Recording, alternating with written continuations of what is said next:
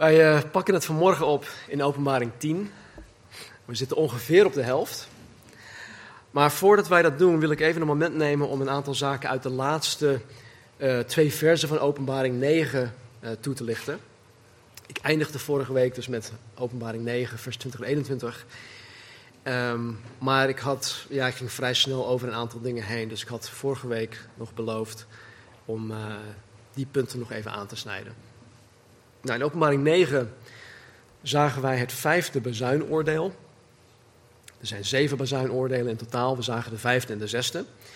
En met het vijfde bazuinoordeel uh, zagen wij dat alle mensen die op de aarde wonen, dat is weer een technische term, alle mensen die op de aarde wonen, dat zijn dus de ongelovigen die dus uiteindelijk ook um, verloren gaan.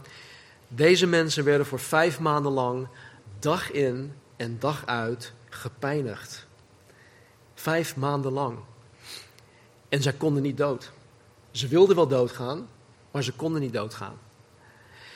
Ook zagen wij het zesde bezuinoordeel, waardoor een derde deel van, nogmaals, alle mensen die op de aarde zijn, gedood werden. En ondanks dat men door een leger demonen gepijnigd werd, ondanks dat, um, dat er door 200 miljoen demonen een derde deel van de mensen gedood werden, wilden de overgebleven mensen zich niet tot God bekeren. Er staat in vers 20 dit. En de overige mensen die niet door deze plagen werden gedood, bekeerden zich niet van de werken van hun handen. Ze bleven de demonen aanbidden en de gouden, zilveren, koperen, stenen en houten afgoden, die niet kunnen zien, horen of lopen. Kijk, op dit moment in de geschiedenis, dat is nog in de toekomst dus, zullen er geen atheïsten meer zijn. Er zijn mensen die tegenwoordig vandaag de dag beweren atheïst te zijn of humanist te zijn of um, andere dingen. Maar in die tijd zullen er geen atheïsten meer zijn. Waarom? Omdat alle mensen op aarde in die tijd zullen zien dat God bestaat. Ze zullen ook zien dat engelen bestaan, 200 miljoen engelen zelfs. Die over de hele aarde heel veel ellende veroorzaken. Deze, deze mensen zullen genoeg van God en van deze engelen gezien hebben, waardoor zij dus niet langer om God heen kunnen. En wat hierin voor mij persoonlijk zo ongelooflijk is, is dat deze mensen openlijk God verwerpen en openlijk demonen aanbidden. Het zal niet langer achter gesloten deuren gebeuren. Het zal niet zo zijn dat men kan zeggen dat zij niet meer in God geloven of niet in God geloven. Ja, weet je, ik geloof niet in God, dus het is goed voor jou, maar niet voor mij. Ze zullen wel in God geloven. Alleen zullen ze geloven zoals de demonen geloven. Die geloven ook in Jezus. En volgens uh, Petrus geloven zij en zij sidderen, ze beven van angst. En ondanks dat zij God zien en God geloven, zullen ze Hem willens en wetens openlijk blijven verwerpen. In openbaring 13:4 zien wij dat deze mensen expliciet de keus gemaakt hebben, of de keus gaan maken in openbaring 13:4, om bewust voor de Satan te kiezen. Ze kiezen partij. Ze denken dat, dat Satan uiteindelijk gaat de, de overwinning zal behalen. Dus ze kiezen voor zijn partij.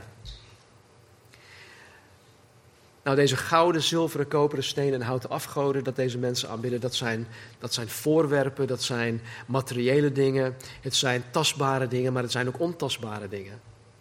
Ze zijn allemaal door Satan ontworpen om de mens van de God van de Bijbel af te houden. Daar hebben wij vandaag de dag ook, ook, ook mee te maken. Hè? Het, we hebben geen standbeelden of zo, of, of weet je, afgodenbeelden. Maar er zijn zoveel dingen die ons van God, van God afhouden.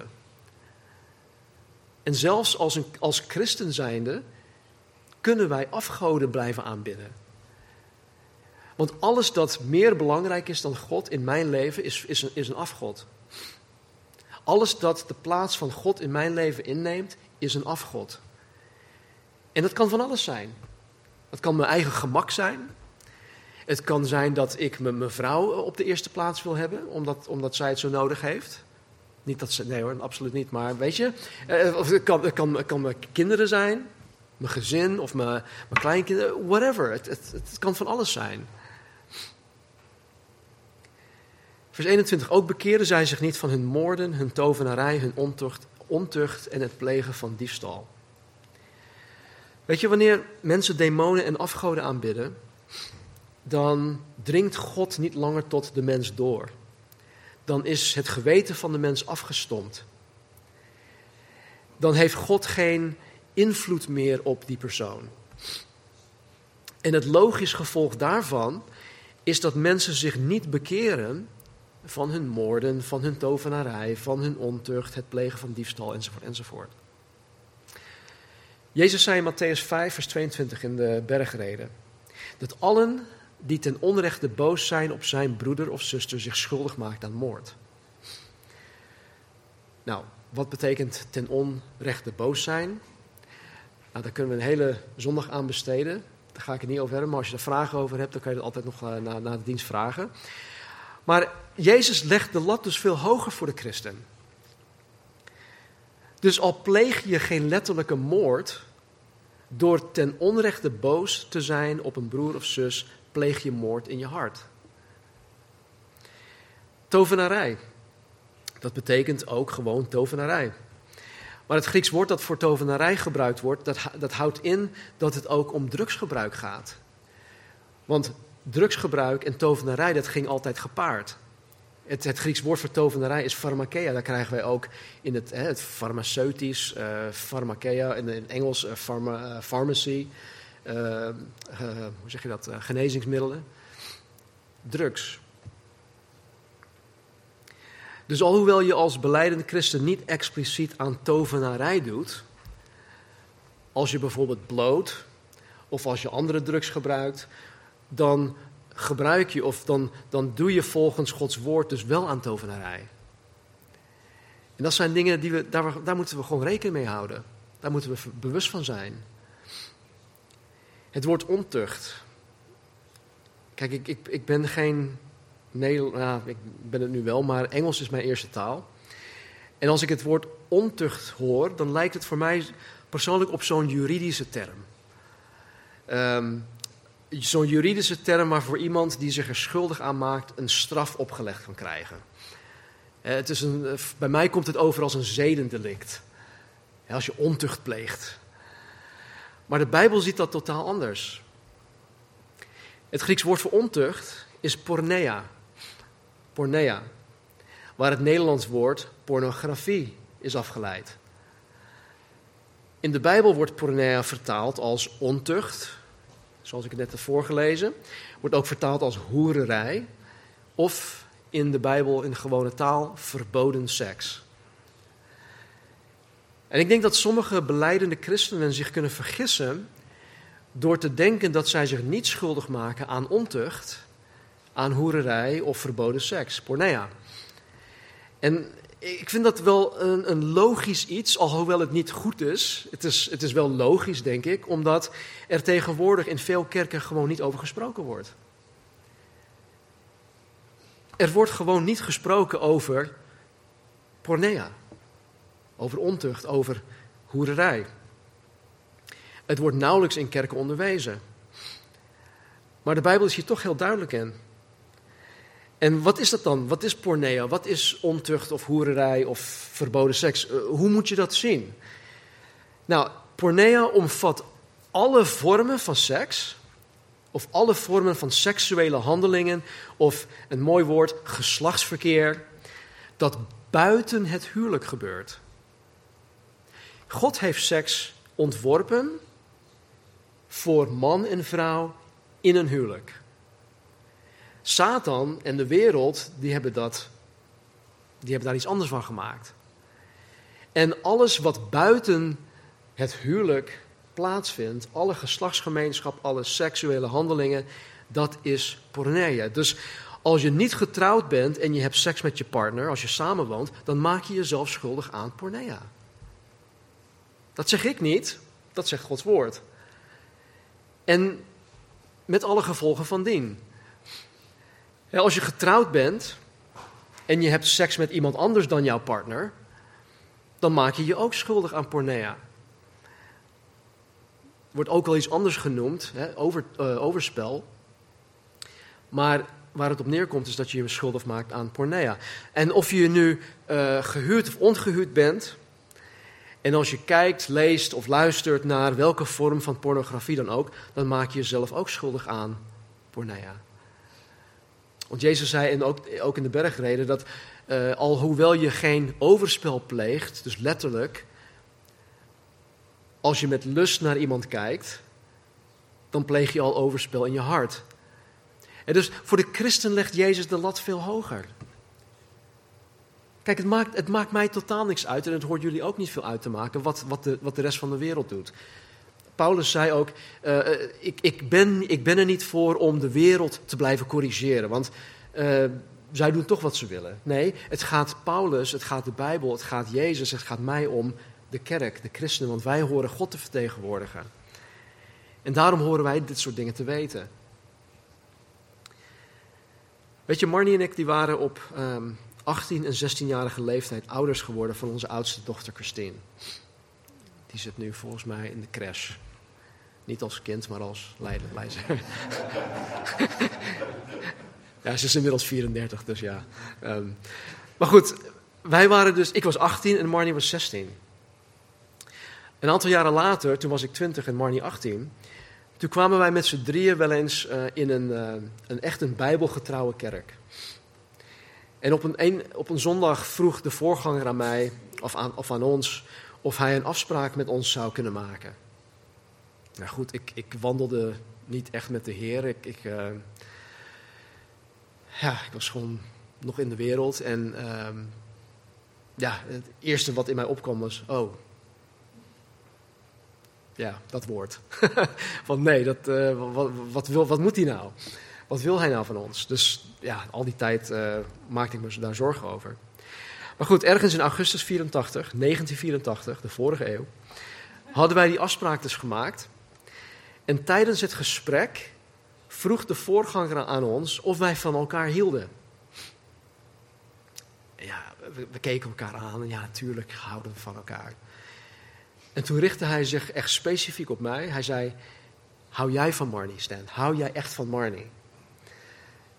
Zo ja, dan zou je Marnie of moeten loslaten en haar laten gaan, of je zou met haar moeten gaan trouwen. Nou, omdat ik door met haar samen te wonen niet alleen zelf in zonde leefde, pornea, maar omdat ik daardoor er ook voor zorgde dat Marnie in zonde leefde, stelde hij mij dus voor die keus.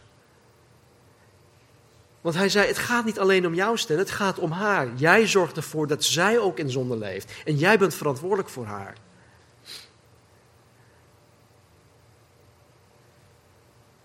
Een maand later waren we getrouwd.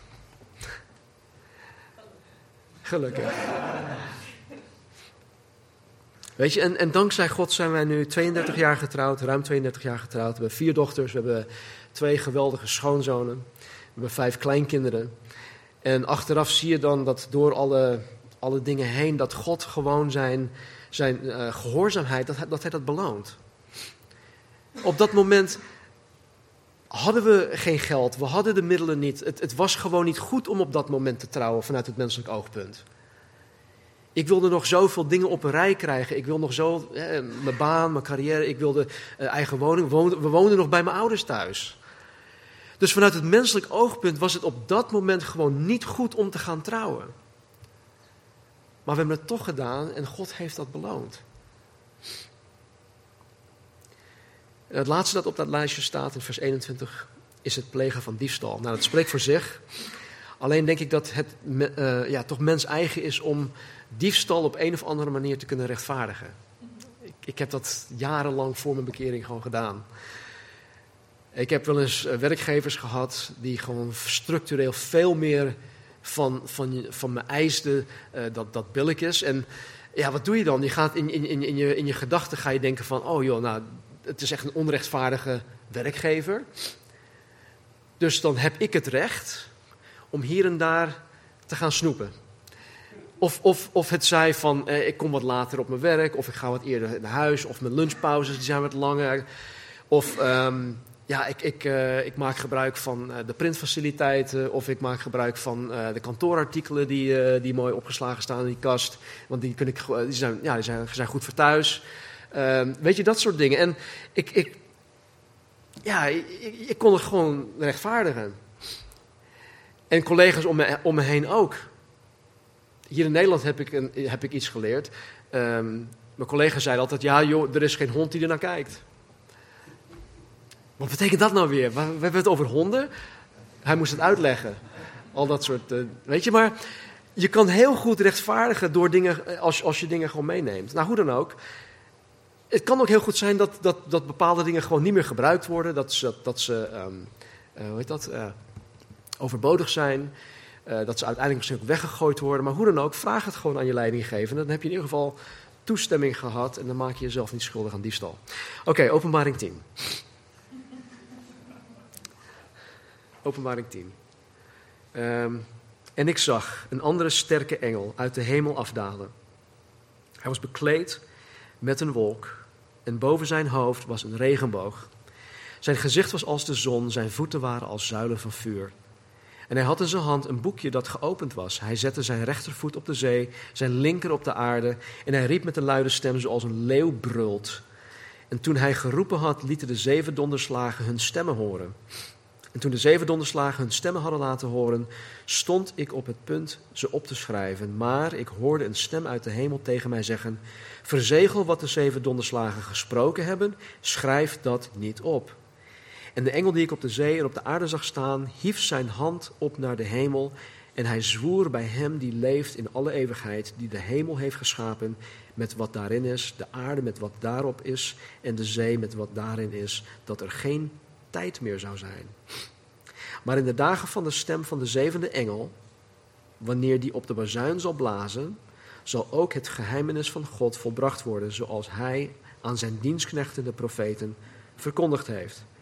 En de stem die, die ik uit de hemel gehoord had, sprak opnieuw met mij en zei: Ga, neem het boekje dat geopend ligt in de hand van de engel die op de zee en op de aarde staat.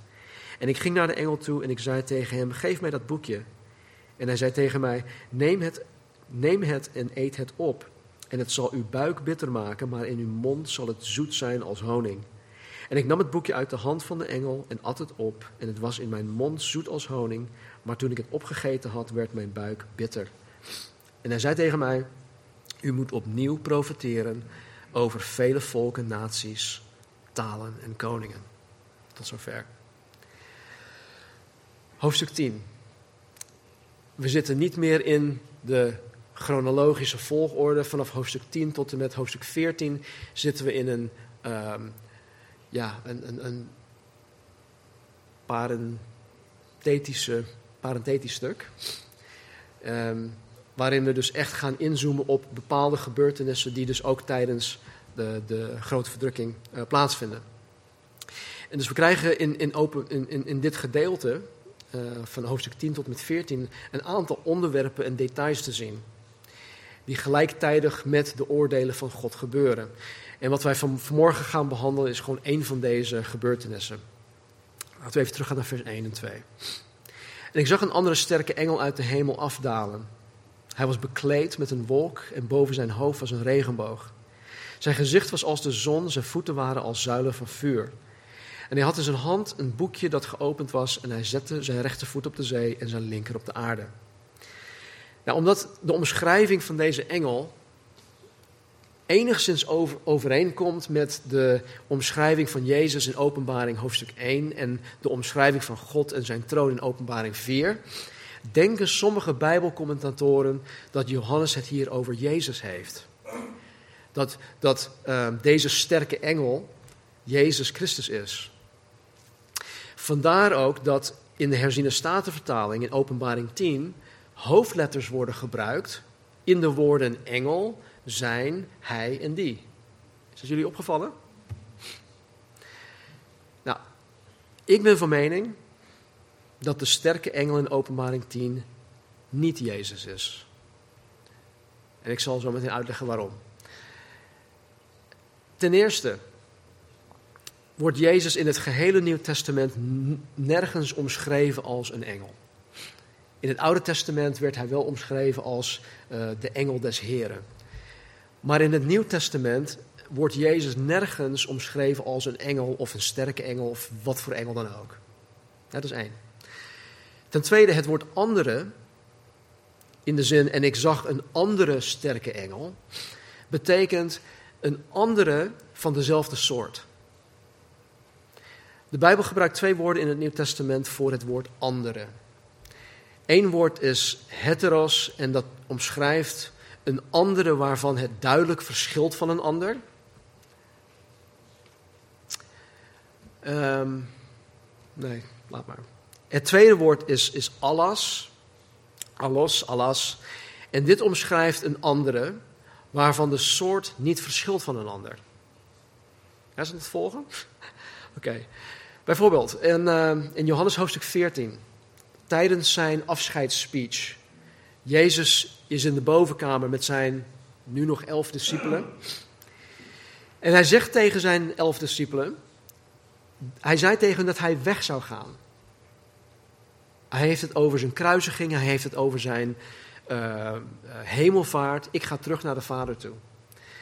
En dan zegt hij op een gegeven moment in hoofdstuk 14, vers 16: En ik zal de Vader bidden, en hij zal u een andere, een andere trooster geven. Trooster is parakletos, dat betekent iemand die naast jou komt te staan, zoals Jezus al die tijd naast hen heeft gestaan, opdat hij bij u blijft tot een eeuwigheid. Nogmaals, Jezus vertelt hen dat hij hun gaat verlaten, dat hij teruggaat naar God de Vader. Maar hij zal ervoor zorgen dat de Vader een andere trooster, de Heilige Geest, aan hun zal geven. Met andere woorden, God de Vader zal de Heilige Geest aan de discipelen geven en dezelfde, of deze Heilige Geest is in essentie en in wezen precies dezelfde of hetzelfde als Jezus Christus. Eén van de drie eenheid. Dus die andere sterke engel die Johannes in vers 1 ziet, kan in mijn mening gewoon geen andere, of kan, kan Jezus niet zijn, maar gewoon een ander van dezelfde soort. Dus een andere engel. Het gaat in vers 1 dus echt om een engel. Nou, ten derde dit.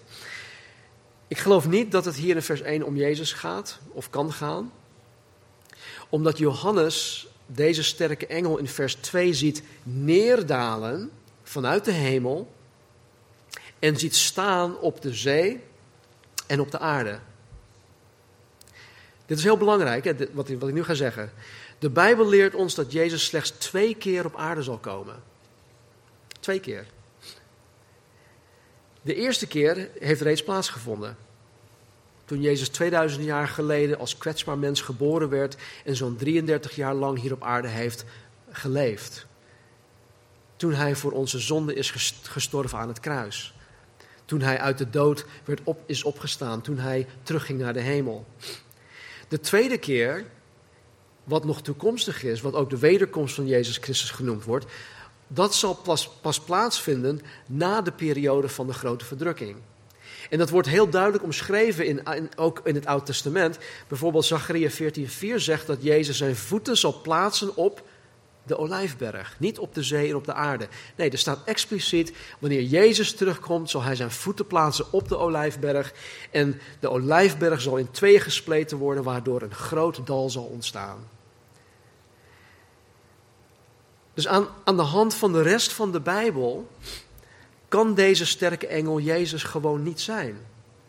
En dat vind ik het mooie van de Bijbel. Wanneer je iets tegenkomt en je weet niet zeker wat het is of wat het betekent, kan je naar de andere stukken in de Bijbel gaan. Je moet het in de, in de context van de, gehele Bijbel gaan zien wat er staat. En degenen die, die, mij kennen, degenen die ook iets langer meedraaien, die weten dat, uh, dat context heel erg belangrijk is. Als iemand met een Bijbelvers komt, dan zeg ik altijd, uh, als ze met een vraag komen, joh, wat betekent dat nou? Oké, dan lees uh, 10 of 20 versen daarvoor en lees ook 10 of 20 versen daarna. Want je moet dat vers in de context van het hoofdstuk zien, of in de context van het Bijbelboek, of in de context van de hele Bijbel. En dit is echt weer zo'n zo'n prachtig voorbeeld daarvan. Dus aan de, rest van de, aan de hand van de rest van de Bijbel kan deze sterke engel Jezus gewoon niet zijn, want dan zou de Bijbel niet kloppen. Het is gewoon zoals Johannes het in vers 1 omschrijft, een andere sterke engel. Trouwens, de eerste sterke engel zagen wij in Openbaring 5, vers 2. Dus dit is een andere van dezelfde soort. Nou, ik ben, ik, ik ben en blijf een voorstander voor het gebruiken van de herziene statenvertaling. Omdat het een, uh, een meer letterlijke vertaling is, wat toch een beetje modern is. Maar af en toe komen wij dit soort afwijkingen tegen. En het heeft te maken met een, een, een, uh, een interpretatie van de tekst dat door de vertalers aan de tekst toegekend wordt. Want in, in de oorspronkelijke tekst, in dit geval in het Grieks, staan er geen hoofdletters. Dat wordt, aan, dat wordt door de vertalers uh, erin, erin geplaatst. Vers 3. En hij riep met een luide stem, zoals een leeuw brult. En toen hij geroepen had, lieten de zeven donderslagen hun stemmen horen.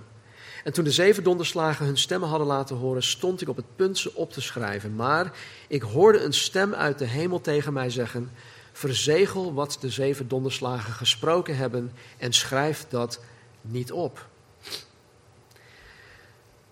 Wie deze zeven donderslagen zijn, dat weten we niet. Waarschijnlijk, zoals in al die andere gevallen, ook engelen. Dus dat is, ja, dat is voor mij eigenlijk niet interessant. Wat wel voor mij interessant is, is dat de stem uit de hemel tegen Johannes zei: om datgene dat de zeven donderslagen gesproken hadden, niet op te schrijven. Weet jullie nog in hoofdstuk 1, het begin? Het sleutelvers van Openbaring. Schrijf de dingen op die je gezien hebt, de dingen die zijn en de dingen die hierna zullen gebeuren. Hoofdstuk 1, vers 19. Dus hij kreeg vanaf het begin al de opdracht: schrijf alles op, Johannes. Schrijf alles wat je ziet, moet je opschrijven. En dan, dan geeft hij zelf ook aan: ik stond op het punt om op te schrijven wat ze aan het zeggen waren. En ineens komt er een stem uit de hemel: schrijf dat niet op. En dat is interessant. Dat is interessant. Blijkbaar hadden de zeven donderslagen iets verstaanbaar uitgesproken. Maar om een reden dat alleen God weet, mocht Johannes dat niet vastleggen. En er staat er dat Johannes het moest verzegelen. Dat betekent dus niet dat hij het eerst moest opschrijven en dan oprollen en verzegelen. Nee, want er staat heel expliciet niet opschrijven. Johannes moest het gewoon geheim houden. Hij is als enig mens op aarde die dit gehoord heeft. En hij moest het geheim houden. Hij mocht het aan niemand doorvertellen. Hij mocht het niet vastleggen. Het was een geheim tussen hemel en Johannes. Weet je, er zijn kerkgangers die, die niet in God geloven. Die zijn er. En ook niet geloven dat de Bijbel zoals wij die kennen, 66 boeken, 39 in het Oude Testament, 27 in het Nieuw Testament. Eh, ze geloven dus niet dat dat het compleet woord van God is. Deze mensen proberen de God van de Bijbel te ondermijnen. Door te beweren, één, dat de Bijbel niet betrouwbaar is en niet compleet is. En twee, dat er buitenbijbelse boeken zijn geschreven die God ons wil onthouden. Of dat er dingen zijn die God ons gewoon wil onthouden. Met andere woorden, heel simpel gezegd, zij beweren dat God ons niet alles heeft verteld. Dat Hij het een en ander heeft achtergehouden. En zoals in dit, zoals in dit geval. Schrijf dat niet op, Johannes. Maar dit is absoluut niet waar. Niets van wat deze zeven engelen gezegd hadden, zou mij als wedergeboren, heilige geest vervulde navolger van Jezus Christus helpen om een betere christen te kunnen zijn. Ik ben er heilig van overtuigd. Dat wat zij ook zeiden, dat het niet belangrijk is voor mij. Want alles dat God voor zijn kinderen nodig acht om, om tot geloof te kunnen komen, om Hem te leren kennen, om een geestelijk vruchtbaar leven te kunnen leiden, heeft God door zijn dienstknechten vast laten leggen. We noemen dat de Bijbel. Dus ik heb niks anders nodig. En die zekerheid heb ik ook. Ik hoef me absoluut geen zorgen te maken. Uh, of ik hoef ook, ik ook, niet, uh, ook niet wantrouwig te zijn dat God iets van mij achterhoudt. Dat ik het per se wil weten. Weet je, als ik dit helemaal uitgeput heb. En dat zal, dat zal in dit leven nooit gebeuren. Dan zou ik pas kunnen zeggen: Oké, God, Ik heb het allemaal eigen gemaakt. Wat heeft u nog meer voor mij? Nee. In Deuteronomium 29, 29 staat dit. De verborgen dingen zijn voor de Here. De verborgen dingen zijn voor de Here. Maar de geopenbaarde dingen zijn voor ons en voor onze kinderen. Tot in de eeuwigheid. Om al de woorden van deze wet te doen. Dus Gods woord is om te doen. Petrus zegt in 2 Petrus 1:3. Dit is uit de Bijbel in de gewone taal. De machtige God heeft aan jullie en mij alles gegeven wat nodig is om te leven zoals Hij het wil. Hij heeft ons uitgekozen om bij Hem te horen en Hij heeft ervoor gezorgd dat wij Hem kennen. Daardoor weten wij hoe machtig en hoe volmaakt Hij is. Vers 5 en 6. En de engel die ik op de zee en op de aarde zag staan, hief zijn hand op naar de hemel. En hij zwoer bij hem die leeft in alle eeuwigheid, die de hemel heeft geschapen met wat daarin is, de aarde met wat daarop is en de zee met wat daarin is, dat er geen tijd meer zou zijn. Deze sterke engel zwoer bij het allerhoogste gezag, God Almachtig. En hij zwoer dat er geen tijd meer zou zijn. Nou, dat, dat is een beetje raar, een rare vertaling. Uh, beter vertaald is dat, hij, dat er geen uitstel meer zal zijn. Er zal geen uitstel meer zijn. Kijk, op dit moment in de geschiedenis is Gods oordeel overduidelijk aangebroken. De helft van de wereldpopulatie is dood. Overal natuurrampen. Meteorieten, asteroïden, 200 eh, miljoen demonen die uh, een derde deel van de mensheid vermoordt. Dus Gods oordeel is overduidelijk aangebroken. En het moment dat de zevende bazuin zal klinken, dat is dan in hoofdstuk 11, vers 15, zal de tweede helft van de verdrukking aanbreken, wat Jezus in, in Matthäus 24 de grote verdrukking noemt. Wat deze engel dus zegt is dat er geen uitstel meer zal zijn. Het is niet meer terug te draaien. De grote verdrukking komt eraan. Er is geen uitstel meer. Maar, vers 7, in de dagen van de stem van de zevende engel, wanneer die op de bezuin zal blazen, dat is nog toekomstig, hoofdstuk 11, vers 15, zal ook het geheimenis van God volbracht worden. Zoals hij aan zijn dienstknechten, de profeten, verkondigd heeft. Nou, het geheimenis van God moeten we absoluut niet zien als iets dat God geheim houdt. Toen wij in Matthäus, het evangelie van Matthäus waren, in hoofdstuk 13 in de inleiding, had ik iets gezegd over geheimenissen, over mysterie, um, mysterie van, uh, in, in de Bijbel. Dat het niet iets wat God per se van ons verborgen wil houden. Maar het is iets dat hij voorheen verborgen heeft gehouden maar nu in het Nieuw Testament geopenbaard heeft. Dus in het Nieuw Testament zijn er geen geheimenissen meer in de zin dat dingen verborgen zijn. Dit betekent niet dat het een, geheim is en dat slechts een heel klein exclusief groepje mensen dit mag weten. Nee, een geheimenis in het Nieuw Testament is simpelweg iets dat God in het Oude Testament niet geheel bekend heeft gemaakt, dat nu in het Nieuw Testament wel door God bekend gemaakt wordt. Ik moet er wel bij zeggen dat het alleen bekend gemaakt wordt aan wedergeboren navolgers van Jezus die vervuld zijn met de Heilige Geest. En God heeft dit geheimenis deels in het Oude Testament bekendgemaakt aan de profeten wat hier ook staat.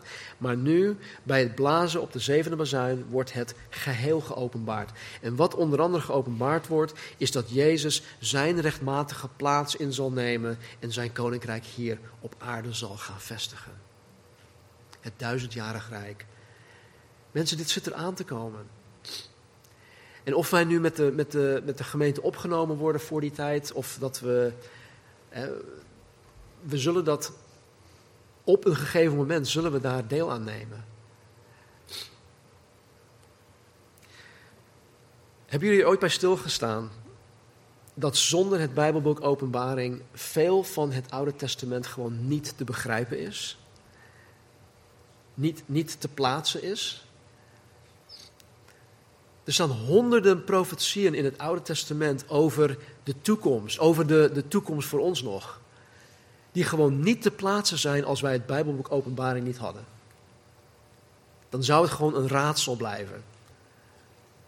Openbaring plaatst al die profetieën van het Oude Testament.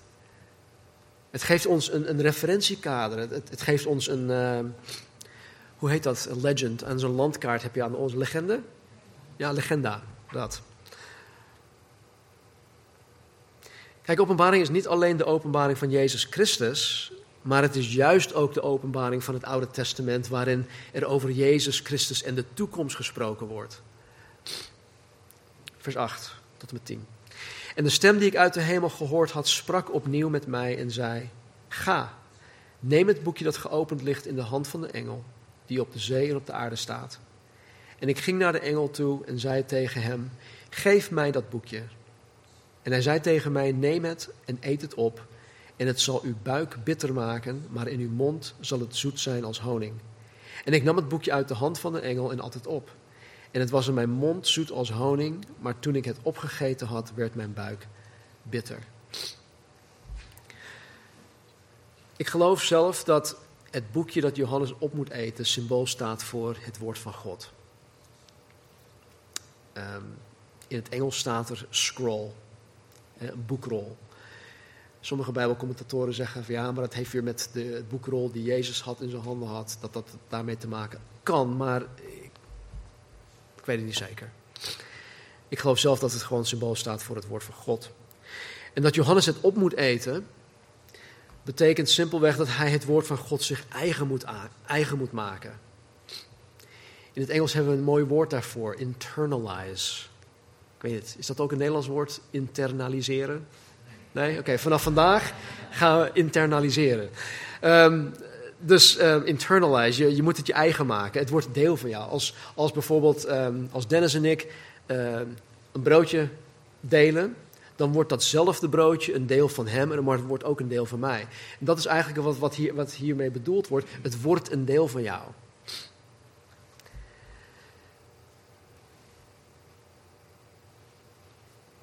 En even later in vers 11, dat zullen we zo meteen ook zien, krijgt Johannes de opdracht om het woord van God wederom te gaan verkondigen.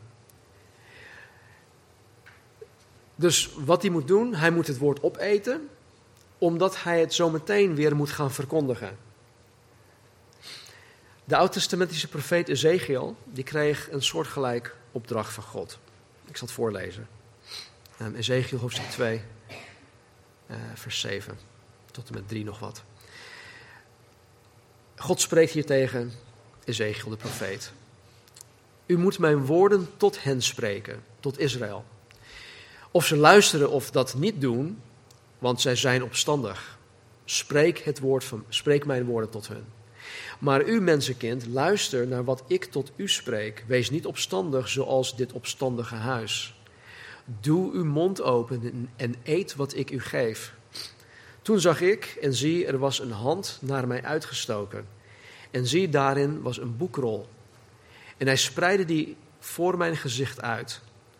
Hij was van voren en van achteren beschreven. Er waren klaagliederen, zuchten en weeklachten opgeschreven. Daarna zei hij tegen mij: Mensenkind, eet wat u aantreft. Eet deze rol op. Ga, spreek tot het huis van Israël. Toen deed ik mijn mond open en hij gaf mij de rol te eten. Hij zei tegen mij: Mensenkind, geef uw buik te eten. Vul uw binnenste met deze rol die ik u geef. Toen, ik, toen at ik het en hij werd in mijn mond als honing zo zoet. Toen zei hij tegen mij: Mensenkind, ga, begeef u naar het huis van Israël en spreek tot hen met mijn woorden. Even later staat er: En ik werd bitter, bedroefd en hevig ontdaan. Op verschillende plaatsen in de Bijbel staat dat het eigen maken, het tot je nemen van het woord van God, zoet als honing is. Dat staat ook in de psalmen geschreven. En wat Johannes hier te eten krijgt, is inderdaad zoet als honing, omdat er in het woord van God zoveel moois staat. Er staat zoveel moois in Gods woord voor het kind van God. Het zijn prachtige beloften. Honderden beloften staan erin. Woorden van genade, woorden van troost, woorden ter opbouw. Woorden die God omschrijven, zodat we God beter leren kennen. Woorden die mij als mens omschrijven, zodat ik weet dat ik een redder nodig heb. er staat zoveel moois in. De openbaring van de onvoorwaardelijke liefde van God. Er is zoveel moois dat, dat God in zijn woord aan zijn wedergeboren kinderen geeft en belooft.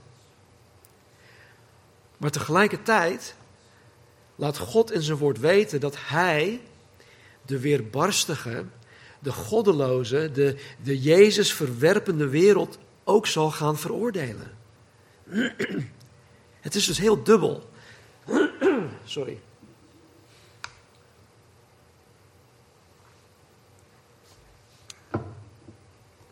Ik kan niet wachten op mijn uh, verheerlijk lichaam. Oh man.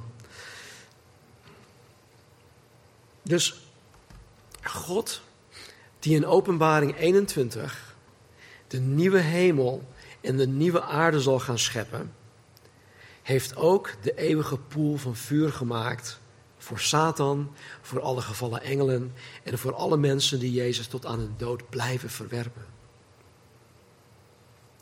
Dubbel. Dus enerzijds is het woord van God het allermooiste dat er voor het kind van God is. En anderzijds is het woord van God gewoon een, een echt een bittere pil. En dat zegt, dat zegt de engel ook tegen Johannes. Het zal enerzijds zoet zijn in je, in je mond als honing, heerlijk. Je kan ervan genieten. Maar zodra je het opgegeten hebt, zal het bitter zijn. Een bittere pil. Vers 11, en hij zei tegen mij, u moet opnieuw profiteren over vele volken, naties, talen en koningen. Johannes is op dit moment verbannen. Hij zit op het eiland Patmos. Hij is de stenen aan het breken. Als oude man van 90 jaar oud. En nadat Johannes de openbaring van Jezus Christus ontvangen had, dus alles wat in de openbaring opgeschreven staat, verbleef hij nog voor een tijd op het eiland Patmos. Niet lang. Uiteindelijk is Johannes naar Efeze toegegaan waar hij stierf. Ik denk dat hij na openbaring nog een jaar of vier of vijf had geleefd. In de resterende jaren die Johannes kreeg, moest Johannes het woord van God blijven verkondigen. En dit is dan ook de reden waarom hij het eerst moest opeten. Hij, moet, hij moest het zich eigen maken. Hij moest het internaliseren.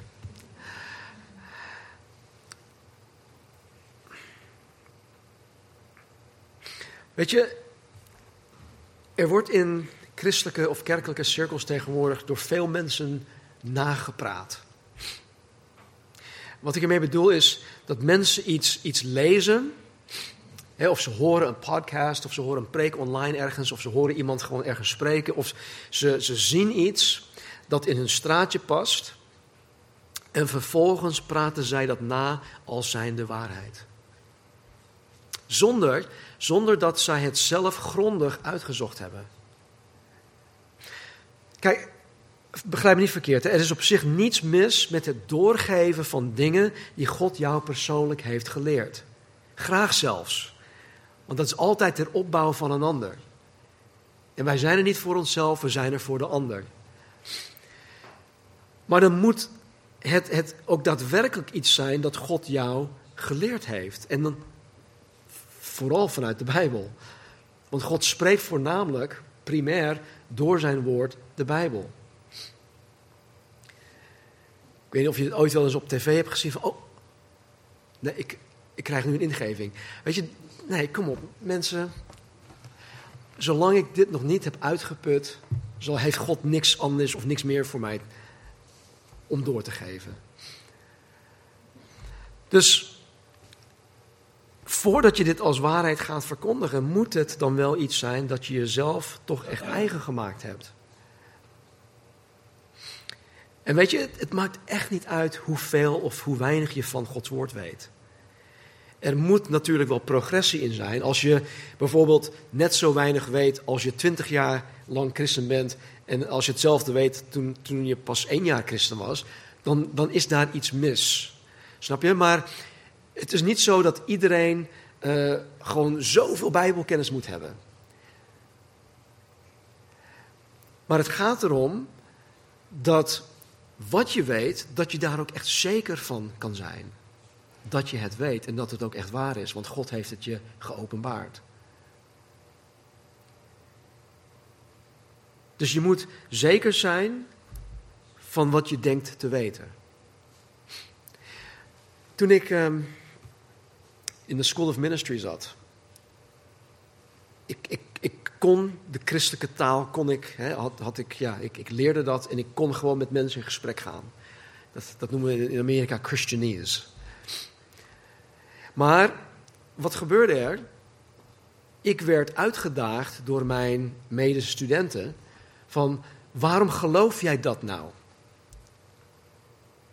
Je zegt het wel, maar waarom geloof jij dat? Waarop is dat gebaseerd? Het is eigenlijk hetzelfde wat ik twee weken geleden ook al zei. De incarnatie, het vlees worden van Jezus Christus. God in het vlees. De, de, wat betekent dat nou voor jou, voor mij? Als je dat soort dingen niet onder woorden kan brengen, dan is dat de eerste opdracht voor jou. Van ga daarmee aan de slag. Want Petrus zegt ook dat je altijd een antwoord moet geven op voor mensen die jou vragen van joh, waarop is jouw geloof nou echt gebaseerd? En ons geloof is niet gebaseerd op iets la la la la la. Weet je, het is echt gegrond op het woord van God. Het is gegrond op feiten. Het is, het is gegrond op, op werkelijkheden. En God verlangt van ons dat wij antwoord kunnen geven.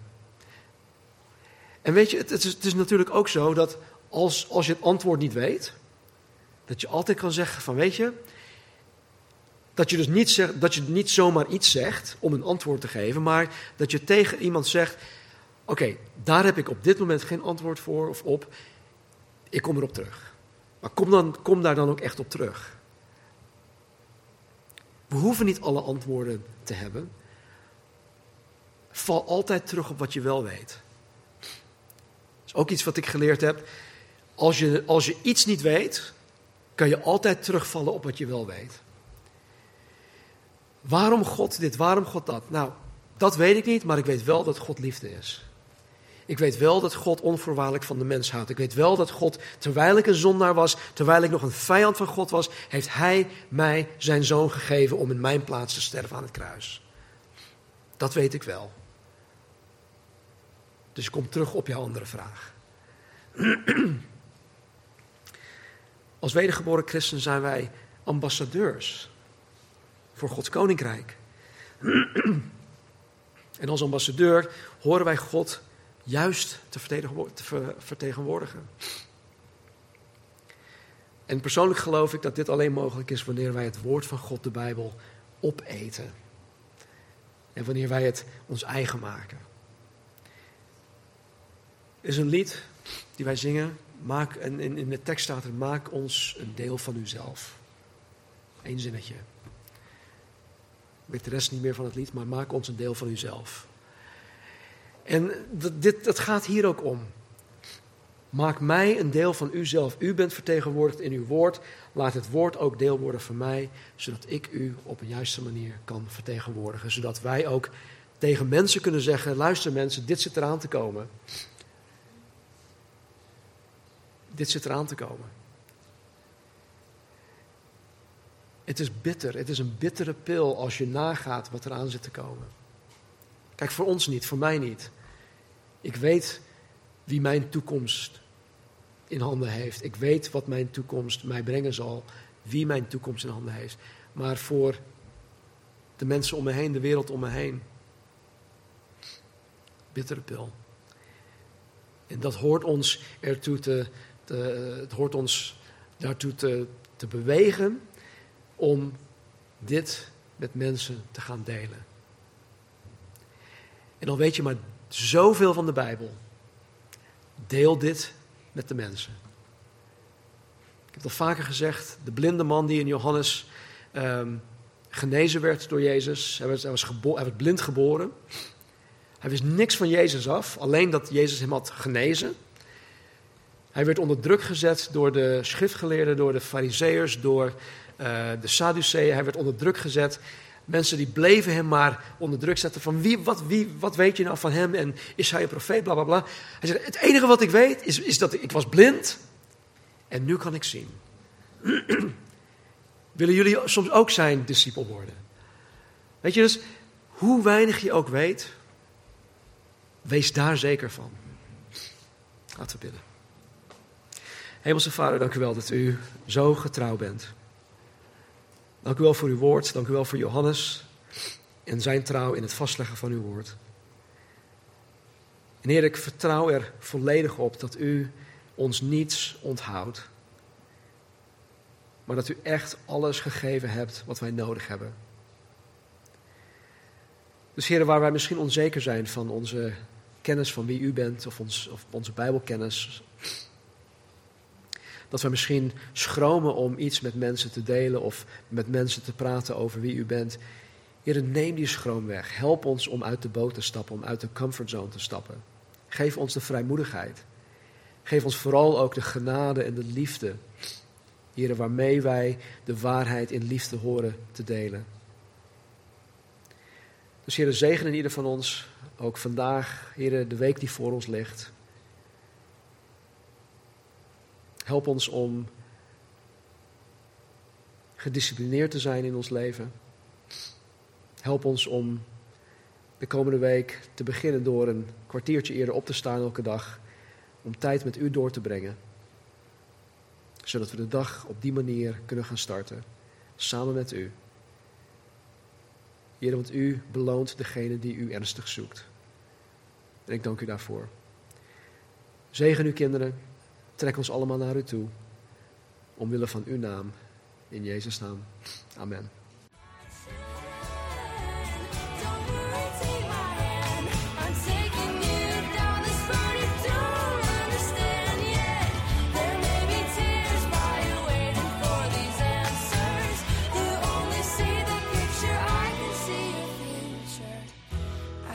tell you right now, it's gonna be alright.